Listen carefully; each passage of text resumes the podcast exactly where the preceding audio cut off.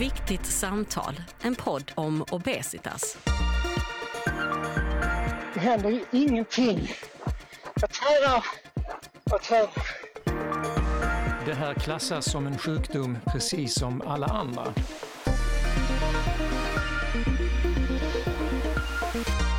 Hej och välkomna till ett viktigt samtal som är en podcast från Novo Nordisk.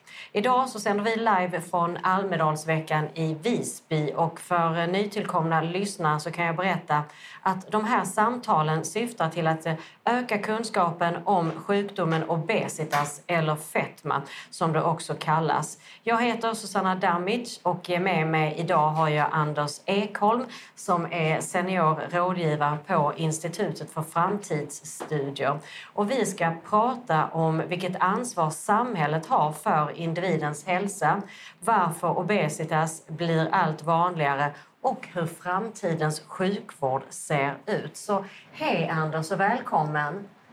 Hej och till tack! den här podden och de här enkla frågeställningarna. Vad tänker du? Ja, men det här borde vi kunna införa och vara klara med till jul. Absolut, och vi har en halvtimme på oss. Just det. Så eh, jag vet att eh, du har möjlighet att prata länge och mycket med all den kunskap och information du har. Men vi ska rappa på det lite grann. Som jag nämnde tidigare så är du senior rådgivare vid Institutet för framtidsstudier. Men du har även arbetat som analyschef på Socialdepartementet där du bland annat har undersökt Sveriges framtida behov av vård och omsorg. Men även då arbetat på Finansdepartementet, Arbetsmarknadsdepartementet och Utbildningsdepartementet. Och så sitter du i styrelsen för Diabetes Sverige. Och jag tänker så att man skulle googla på omväxlande arbetsuppgifter så tror jag att ditt ansikte hade varit för de, för, alltså de tio första träffarna i alla fall.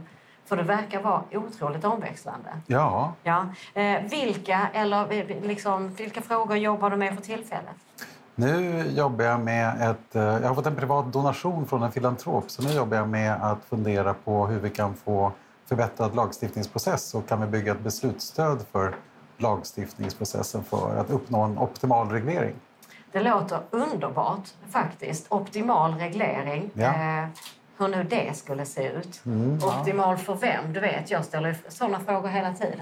Nej, men jag är nationalekonom så det där är ju lätta frågor. Ja. Alltså det, det är bara att ha en samhällelig behovsfunktion som vi optimerar, i teorin i alla fall. Okej, så att eh, då finns det eh, en formel så att säga. Precis, och då kan man ju välja lite olika synsätt förstås på vad är nytta och vad är välfärd. Och då finns det ett antal olika modeller förstås som man kan liksom använda sig av när man ska slå ihop nyttor och värdera dem. Eh, Men det är nog ett annat poddavsnitt. Precis. Jag känner att jag har tusen frågor som poppar upp. Jag ska trycka ner de frågorna så ska jag gå vidare och fråga vad är det som är så intressant med framtidsstudier enligt dig? Ja, eh, människan har ju alltid varit intresserad av framtiden. Vi är ju väldigt, väldigt intresserade av framtiden. Vi tycker mer om att spekulera om vad som ska hända sen än att diskutera problem vi har nu. Alltså ta till exempel nyhetssändningar över valet och, och valresultatet så håller man på att spekulera om regeringsbildning hela tiden. Men det är ingen som vet någonting om det. Så, men, så vi gillar ju framtid och jag gillar också framtid. Och jag eh, är också otroligt intresserad av hur teknologi påverkar eh, hur vi umgås och vad vi gör i samhället och vilka resultat det blir i samhället. Så att det där tycker jag är väldigt spännande. Och i grunden handlar det, tänker jag, i alla fall för min del, om att förbättra världen så att framtiden är lite bättre än vad den är idag. Mm. Just det, bättre för vem? För alla antagligen. Eh, För jag tänker att det är nästan lite filosofiskt. Ja, oh ja alltså, och, det är ju... Men, eh, man- Pareto-optimum brukar man ofta komma till om man är nationalekonom, då, om vi ändå går in på det här. Så, så, och då kan man säga att kan man göra det lite bättre för åtminstone någon utan att försämra för någon så ska man genomföra den reformen. Eh, och, och mot det då kan man ju säga då kan man ju ha en, en syn där vi, eh, det ska bli bättre, den totala nyttan ska bli bättre. Så ett, ett bra exempel är att ska man koka svärmor i olja och då säger, eh, om man är extrem i det här syftet, så säger man så här, om, tillräckligt många tycker att det är bra och man njuter av att se svärmor kokas i olja, ja då ska man koka svärmor i olja. Eh, det sa inte Wilfredo Pareto, som jag tycker är en, en bättre version. Att, att det blir ju ganska mycket sämre för svärmor, så då tycker jag inte vi ska genomföra den reformen. Även om många blir glada när vi kokar svärmor i olja. Det kommer att kunna applicera flera av eh, de teorierna och tankarna tänker jag på samtalet nu här när vi ska prata om eh, obesitas. Varför tycker du det är viktigt att vara med i den här podden? Nej, men eh, igen då, det handlar ju tycker jag om att eh, sprida kunskap och få också ett faktabaserat liksom, eh, samhällsbyggande. Så att reformer och, och åsikter och kampanjer och sådana bygger på faktisk fakta. Så att, att vara med i alla sammanhang där vi kan sprida mera fakta och rationalitet tänker jag är otroligt viktigt. Särskilt i så här fake news-tider så blir det ju väldigt viktigt att vara faktabaserad. Eh, Obesitas är en sjukdom som länge har alltså, överskuggats av kunskapsbrister där det fortfarande finns eh, stora brister. Eh, till och med läkare som jag har pratat med i den här podden, när de började arbeta med obesitasfrågor så var de så här, varför då? Det är väl bara att skärpa sig. Vad är problemet?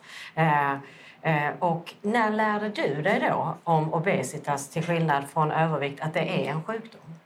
Ja, men det var, eh, då var jag analyschef på Socialdepartementet. Så, uh, det var nog precis då när vi tog fram en ny ICD-kod. Det vill säga Socialstyrelsen gav den ICD-kod. Det måste ha varit 2008 tror jag. Så, så då, har du varit, då är du gammal i gamet? Oj, oj, oj. Jag är gammal i så många game. Ja, men eh, tung obesitas då, eller trots att obesitas har klassats som en kronisk sjukdom länge. Vi sa WHO 97 och sen 2008 har jag för mig. Mm. Precis. Eh, jag överlåter faktan till dig. Aha, jag bara upprepar de ja. faktadelarna. Eh, så är det inte fullt accepterat som en sjukdom i samhället. Varför tror du att det är så? Ja, det där kan vi inte veta, men det, men det är klart att ju mindre eh, verkliga fysiska liksom, sätt eller biomarkörer som vi liksom kan sätta på någon, något sjukdomstillstånd desto svårare. Alltså, psykisk ohälsa har väl samma typ av av del. Och, och, det är väl också det att det är en, eh, väldigt mycket livsstil som spelar roll här. Och, och det finns ett, ett gränsland där. Eh, är det psykisk ohälsa att, att vara ledsen och deprimerad när eh, din mamma dör till exempel? Nej, det ska man inte säga. Men, men går det inte, tar det inte slut, ja, då kanske det kan gå över till ett mer kliniskt tillstånd. Men de här riktlinjerna från Socialstyrelsen, hur, hur eller när tror du att eh, man kommer att se resultat av det i vården? då? Ja, det där är en fantastiskt bra fråga. Alltså, de, det lite deprimerande är väl att kliniska riktlinjer ger liten eller ingen eh, förändring av kvalitet i sjukvården. En, en annan eh, deprimerande ehm, artikel visade på att det tar ungefär 17 år från det att vi vet vilken som är bästa åtgärd till det att det är den vanligaste åtgärden.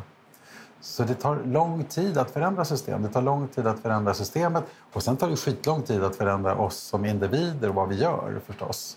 Och, och hur vi gör. Det, vi vet ju alla till mans och kvinns att vi bör säkert göra lite mindre av ditt eller mer av datt och så ändå gör vi inte det. Nej, det kan vi göra imorgon. det är helt sjukt att man har så lätt att liksom bara ducka och ta en annan väg. Ja. Alltså när det gäller allt från att ta ut soporna till vad det, alltså det är verkligen eh, men det finns väl någon, eh, någon sån här evolutionär anledning till det, alltså, det, är ju, det är det där, alltså man brukar säga att fånga dagen, carpe diem och sådana här saker. I själva verket är det så att vi kan inte göra något annat. Vi har otroligt dålig förmåga att hantera tid. Så vi, vi kan bara hantera här och nu, just nu helt enkelt. Så att, att planera för framtiden, det är något väldigt märkligt egentligen. Och, och särskilt när man bor i ett kallt land som Sverige så måste man verkligen göra det för att fylla ladorna på sommaren och så vidare. Så här är ju planering A och O, men egentligen är det, verkar inte vara egentligen ett grundläggande mänskligt drag utan vi, vi eh, ligger hellre på stranden, skvallrar, äter räkor och har sex. Ja. För det är vår grundläggande liksom, programmering. Så människor som skryter om att de fångar dagen de gör det, det enda vi egentligen kan göra. Ja. Eller det är det vi gör. Ja, ja. ja precis. Eh, men eh, det här med stigmatisering när det kommer till obesitas. Eh, hur tror du då? Hur tänker du att man skulle kunna få allmänheten att eh, eh, sluta med det? Ja, det där är en otroligt svår fråga. Den har ju också flera... Alltså, man kan prata om rasism eller främlingsfientlighet eller psykisk sjukdom som vi var inne på. Alltså, alla de här sakerna, att vi ska acceptera andra, är också en sån svår sak för oss människor. Vi, vi är väldigt medelvärdesorienterade. Och, och där verkar andra däggdjur också vara. Så att man, man puttar ut folk ur flocken eller eh, kossor ur flocken eller gnuer eller något eh, som avviker från det normala. Så, så vi, är, vi tycker om genomsnittet och sen så har vi någon hatkärlek till, till liksom de här svansarna. Så vi kan liksom gilla folk som är jättesnygga och så har det som uppnåeligt eller jättesmart eller duktiga eller vad det kan vara. Eller kan planera i tiden till exempel, vilket är jättesvårt. Eh, det, det, kan vi göra, men vi, vi skuffar gärna ut de som är avvikande på någonting som vi tänker är negativt. Så den, alltså, samhällets grundläggande mål hela tiden måste ju vara att hur kan vi leva tillsammans? Oavsett ja, men, hudfärg eller eh, kroppsstorlek eller utseende, eh, religion och så vidare. Det är ju liksom, och det finns ju tider i historien där vi faktiskt har gjort det. Det är också ett annat avsnitt. Ja, ja det. är så ja. intressant. Men eh, du har varit inne och tassat lite. Du pratade när du lyfte eh, psykisk ohälsa. Vi pratade om tid och vad, hur lång tid saker och ting tar. Eh, eh många säger ju, eller jag har hört att eh, liksom för 10-15 år sedan så var inställningen till psykisk ohälsa ungefär där man pratar idag om obesitas. Men sen har det ju hänt en förflyttning där. Eh, vad krävs det för att det ska ske en förflyttning? Uh, I liksom, hur man förhåller sig till Ja, men vad, vad som, det, det, det, finns lite teorier men också empiri kring hur vi ändrar våra värderingar kring den här typen av saker.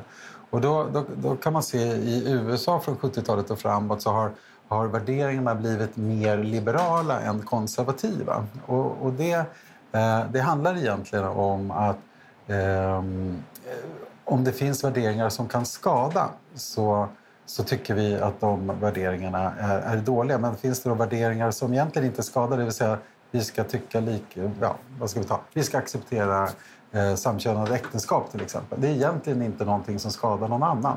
Och det innebär också att den typen av värderingar kan spridas mellan eh, liksom, republikaner och demokraterna har man sett. Då. Så att även republikanerna börjar tycka bättre om samkönade äktenskap. Eh, kanske inte högsta domstolar, men, men i, i befolkningen ser vi det tydligt och, och väldigt eh, liksom, eh, tydligt i evidensen. Så det, det, finns en mekanism som gör att vi faktiskt går mot mer av tolerans. Uh, så det verkar faktiskt bli bättre, och, men det går också långsamt. Mm. Alltså, våra värderingar de bildas ju fram till att vi fyller 30 ungefär, sen stelnar de. Uh, och då behåller vi de värderingarna i väldigt hög grad över år. Så mycket handlar ju om, eh, ja, som Einstein sa, science, eh, eh, vetenskapen blir bättre en begravning i taget. Det vill säga när man pensionerar en gammal professor så kan några nya professorer ta över och, och göra de nya sakerna som den här gamla professorn antagligen var emot. För att ja. ha stått paradigm där. Lite samma sak här. Ja, alltså det är så att ketchup-effekten kommer först och sen blir det mindre och mindre ketchup. Eh, ja, det kan man säga. Just det. Mm. Poissonfördelning kallas det. Ja, ja se där. Eh, enligt Socialstyrelsen så lever då alltså 1,3 miljoner vuxna och cirka 80 000 barn i Sverige med obesitas idag.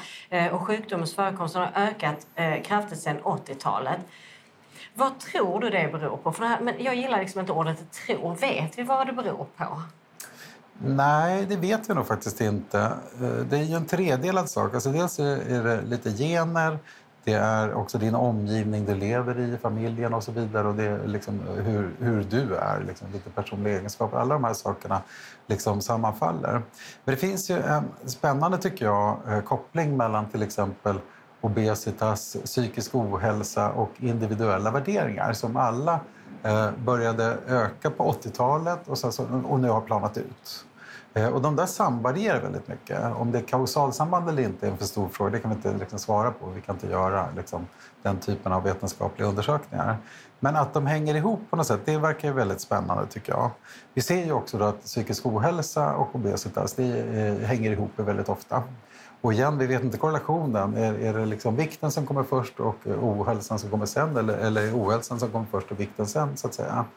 Men kanske hänger ihop då med de här individuella värderingarna, tänker jag. Alltså det börjar ställas högre krav på dig som individ. Precis, för jag tänker att när vi pratar om genetik eller, och liksom, eh, hur vi liksom lever, hur vi bor, kanske inte har ändrats jättemycket sen 80-talet. Men om det är en faktor som är mer dominant så är det kanske eh, att vi har gått från det kollektiva till det individuella. kanske. Ja, dels det. Och sen så lite bekvämlighet. Vi har inkomsteffekter också. Det är billigare att köra bil relativt sett idag. Vi har fler bilar per capita idag till exempel. Eh, vi pratade, eh, några personer här förut, om till exempel att cykla till plugget. När, eh, när vi var små cyklade vi alltid till plugget. Alla cyklade till plugget. Nu kör alla bil till plugget för att det är så farligt med alla bilar som kan köra över. Men de alla, alla bilarna de kör ju andra barn till plugget. Om man bara kommer överens om att bara, nej, nu slutar vi Vi kör inte barnen till, till skolan Nej. för då, då kan man cykla för då är inte bilarna där. Precis. Ja. Och det, så det är ju liksom att, eh, då, då får du ju ett liksom självförstärkande system som driver åt fel håll på något sätt. Och den där diskussionen är svår att ta med barnen. Jag tog det med barnet. Kan inte du vara snäll och skjutsa mig till? Så bara, Nej, jag är snällast mot er om jag inte skjutsar er. Eh, och det var en eh, hård fight. Men Ja, vem vann? eh, den som hade bilnycklarna. Ja. Okej. Eh, Rubriken för det här samtalet är Vilket ansvar har samhället för individens hälsa och sjukdom? En fråga många har försökt svara på under i alla fall de här avsnitten av podcasten Obesitas ett viktigt samtal. Jag brukar ställa den frågan. Och vad säger du? Vad, vad är ditt svar där? Nej, men det är ju delat ansvar. Som sagt, alltså, vi, än så länge i alla fall så kan vi inte riktigt ansvara för vår genetik. Eh, det är ju en tidsfråga. Eller vi ändrar ju folks gener nu i sjukvården. Så att det kanske vi kan göra någon gång. Men vi har inte hittat liksom genen som, som hänger ihop med obesitas. Så det, det är ju en del förstås. Men sen är det ju förstås jag och mina livsval. Det blir ju otroligt viktigt. Jag har ju ett ansvar för det jag gör. Men så är det också hur, hur designar vi samhället, samhällsplanering. Eh, vilka saker gör vi i skolan? Vilka banor lär vi ut i skolan till exempel? Har vi väldigt mycket motion i skolan, vilket vi inte har? Eh, har vi bra kostrådgivning och så vidare? Tar vi tag i, i, i barn till exempel som, som börjar bli överviktiga? Vi kanske skulle liksom screena redan på MBC för överviktiga mödrar. Men jag tänker att samhället har ett stort ansvar för att liksom designa de här kringgivande omgivningen helt enkelt. Både i stadsplanering men också i stöd och utbildning och den typen av saker. Mm. Eh, för att det pratas ju ofta om, ofta om prevention fast det är ju ingen som tar den bollen, tar ansvaret för den. För att vården, de sysslar ju med vård. Eh, och där går ju inte att pri- prioritera eh, prevention. Nej, nej, jo, ja, det kan man väl göra om man vill. Så att säga. Men, men man, man kan säga ett av de bästa tycker jag, systemen som är preventiva det är ju just MBC och BVC. Där vi, vi screenar alla. Vi åker hem till en nybliven eh, familj och tittar. Finns det liksom faror för, för barn? Eh, Vi gör en lång rad olika saker. Och här mäter vi också både vikt och, och längd och, och även på mödrarna och så vidare. Så här, vi har ju alla data på vilka som är i riskzonen och vilka vi borde göra saker. Men vi gör inte saker och ting. Eh, annat än med, om det är liksom fel på viktökningskurvan för bebisar och sånt där. Då, då tar vi tag i det. sig på kurvan. Precis. Lite där. Ja. Ja. Och där så trodde de att man skulle, i alla fall mina, eh, eller mina, vems BVC-sköterska är det, det vet jag inte. Men eh, då skulle vi hålla oss på medelkurvan. Så fick jag säga nej, eh, våra barn är stora så de håller sig på den här. Men de måste hålla sin kurva, det är det som är grejen. Så, bara, aha. Så de trodde att målet var att vi skulle ge dem lite mindre mat så att de Så inte var så långa. direkt ja, precis. bra, ligga som Ja. att det är ett sånt Genomsnittet, igen, vi gillar Precis. genomsnitt. Ja, ja. Eh, det är en sjukdom, obesitas, där samhället, och vi liksom var inne och tassade på det också, lägger långt mer resurser på att behandla komplikationer och följdsjukdomar till obesitas än obesitas-sjukdomen i sig. Eh, och vad tänker du kring vad som krävs för att ändra på detta? Mm, Jag tänker att det, det hör samman med vår oförmåga att hantera tid helt enkelt. Att står du inför en sjukdom här och nu så ja, då tar vi tag i den. Den är ju här. Det är ett benbrott eller det är liksom någon, nå- någonting som vi måste fixa. Men, men förebyggande, det handlar ju om att göra saker för att slippa någonting sen. Det kan inte vi tänka oss. Vi har, vi har liksom ingen sån förmåga. Så jag tänker mig att, att och jag har skrivit en del om det här i, i en del eh, rapporter om framtidens vård och omsorg. Att, eh, att människan vi är, har så många tillkortakommanden i de här sakerna så att vi behöver bygga digitala beslutsstödssystem som, som liksom eh, pockar på uppmärksamheten när vi inte fattar rätt beslut nu. Vad är ett digitalt stöd? Vad sa du? Beslutsstödssystem. Precis, vad är det?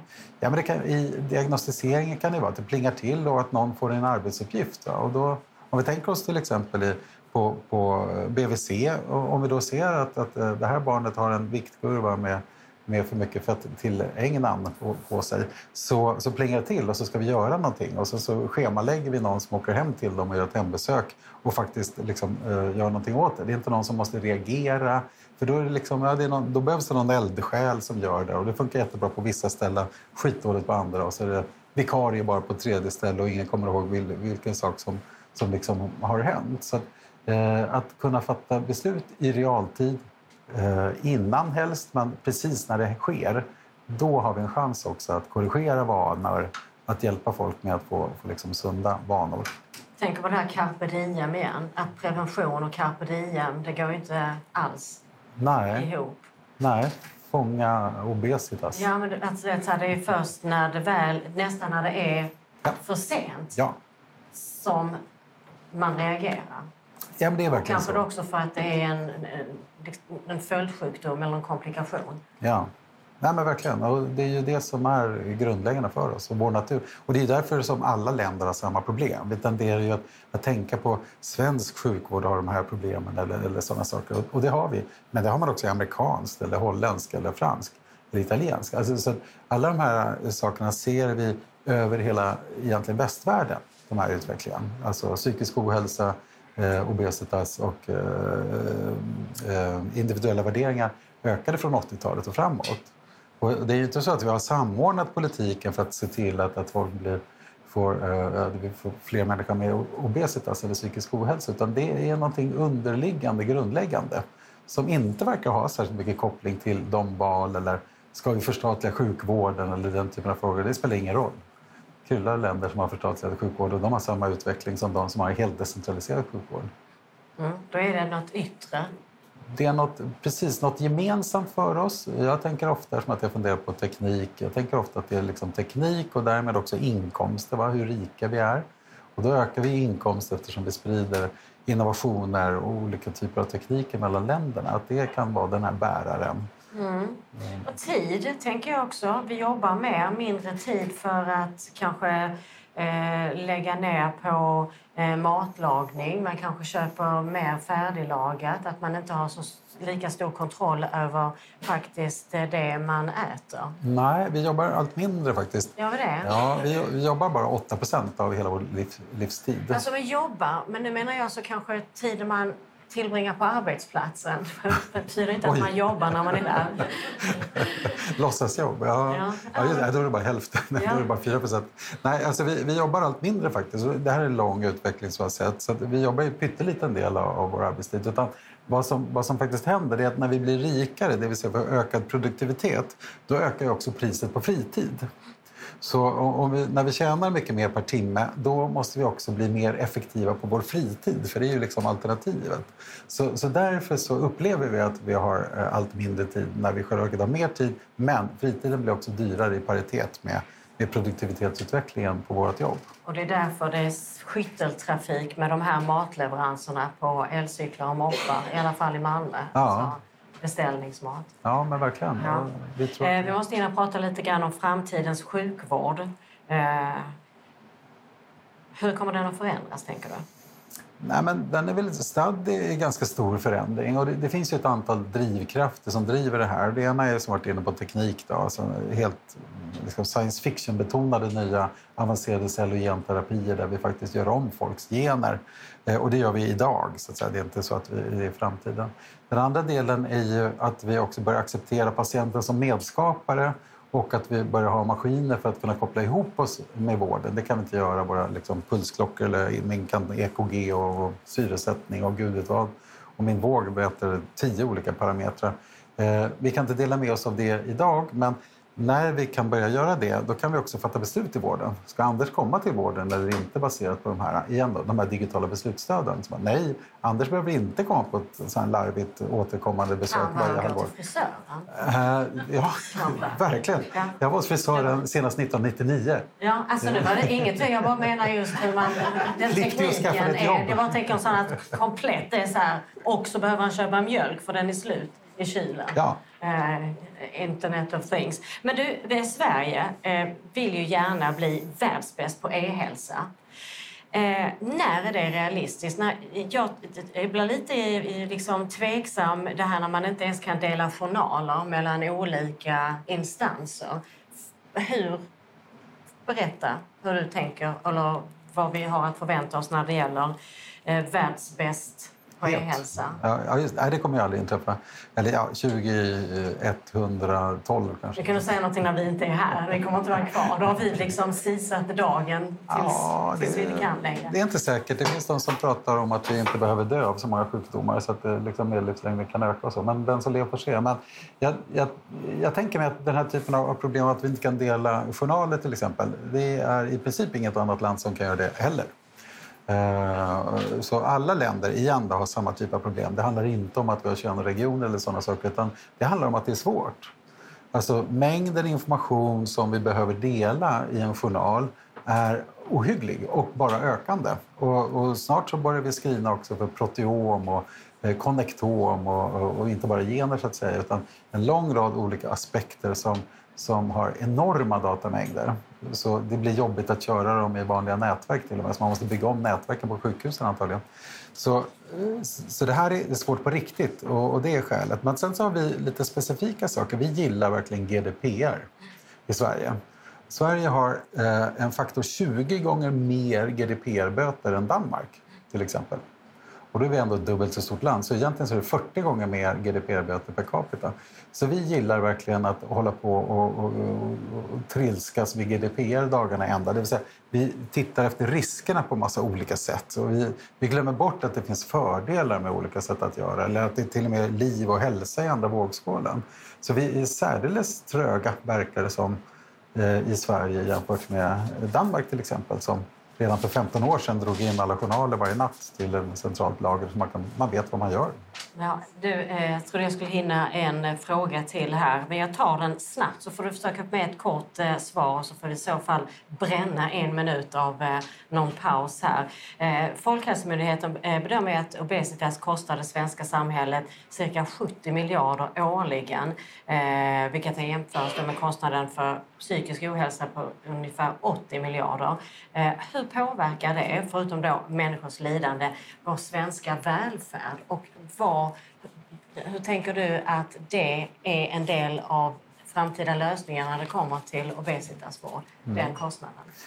Ja, men det handlar ju förstås om att kartlägga var har vi stora kostnader och vad kan vi liksom göra åt det och införa de sakerna. Och ofta så vet vi faktiskt vad vi ska göra men vi förmår inte riktigt att implementera. Så det här är extremt viktigt att beta av stora folksjukdomar och stora liksom, eh, sjukdomsbördor eh, som, som vi har i samhället och göra det systematiskt. Och inte hålla på och fundera på så mycket andra saker. Alltså, skit i att fundera på organisatoriska förändringar i sjukvården. Som, eh, ska det vara statligt eller ska det vara sju regioner, 35 eller 21 eller sånt där. Den typen av frågor är inte viktiga. utan fokusera på att, att kartlägga vilka sjukdomsbördor har vi, vad ska vi göra någonting åt det och se till att det implementeras i, i liksom verkstaden, längst ner i mikrosystemet, i mötet mellan professionerna, patienten och systemet i vid mening. För det är där all sjukvård produceras. Okej, okay, och hur kommer obesitasvården i Sverige att se ut om fem år? Eh, ja, då har vi säkert ingen, för vi har uppnått alla våra mål om att vi ska minska. Jag tänker mig att, eh, i den bästa av världar så skulle man ju vilja att då har vi system som hittar liksom personer, system och, och, och, individer men också familjer och så. Eh, vi åker ut direkt och liksom hjälper och stöttar och så vidare om de vill. Och så gör vi det i god tid så att vi slipper komplikationerna på, på sikt tänker jag. Och kommer riktlinjerna att vara implementerade? Nej. Nej. Okej, okay, tack så mycket Anders Ekholm, rådgivare Institutet för framtidsstudier och för att du vill vara med i den här podden eh, Obesitas, eh, ett viktigt samtal. Nu ska vi fortsätta fånga dagen för det är det enda vi kan göra tydligen, vi som människor. Tack så mycket. Ja. Tack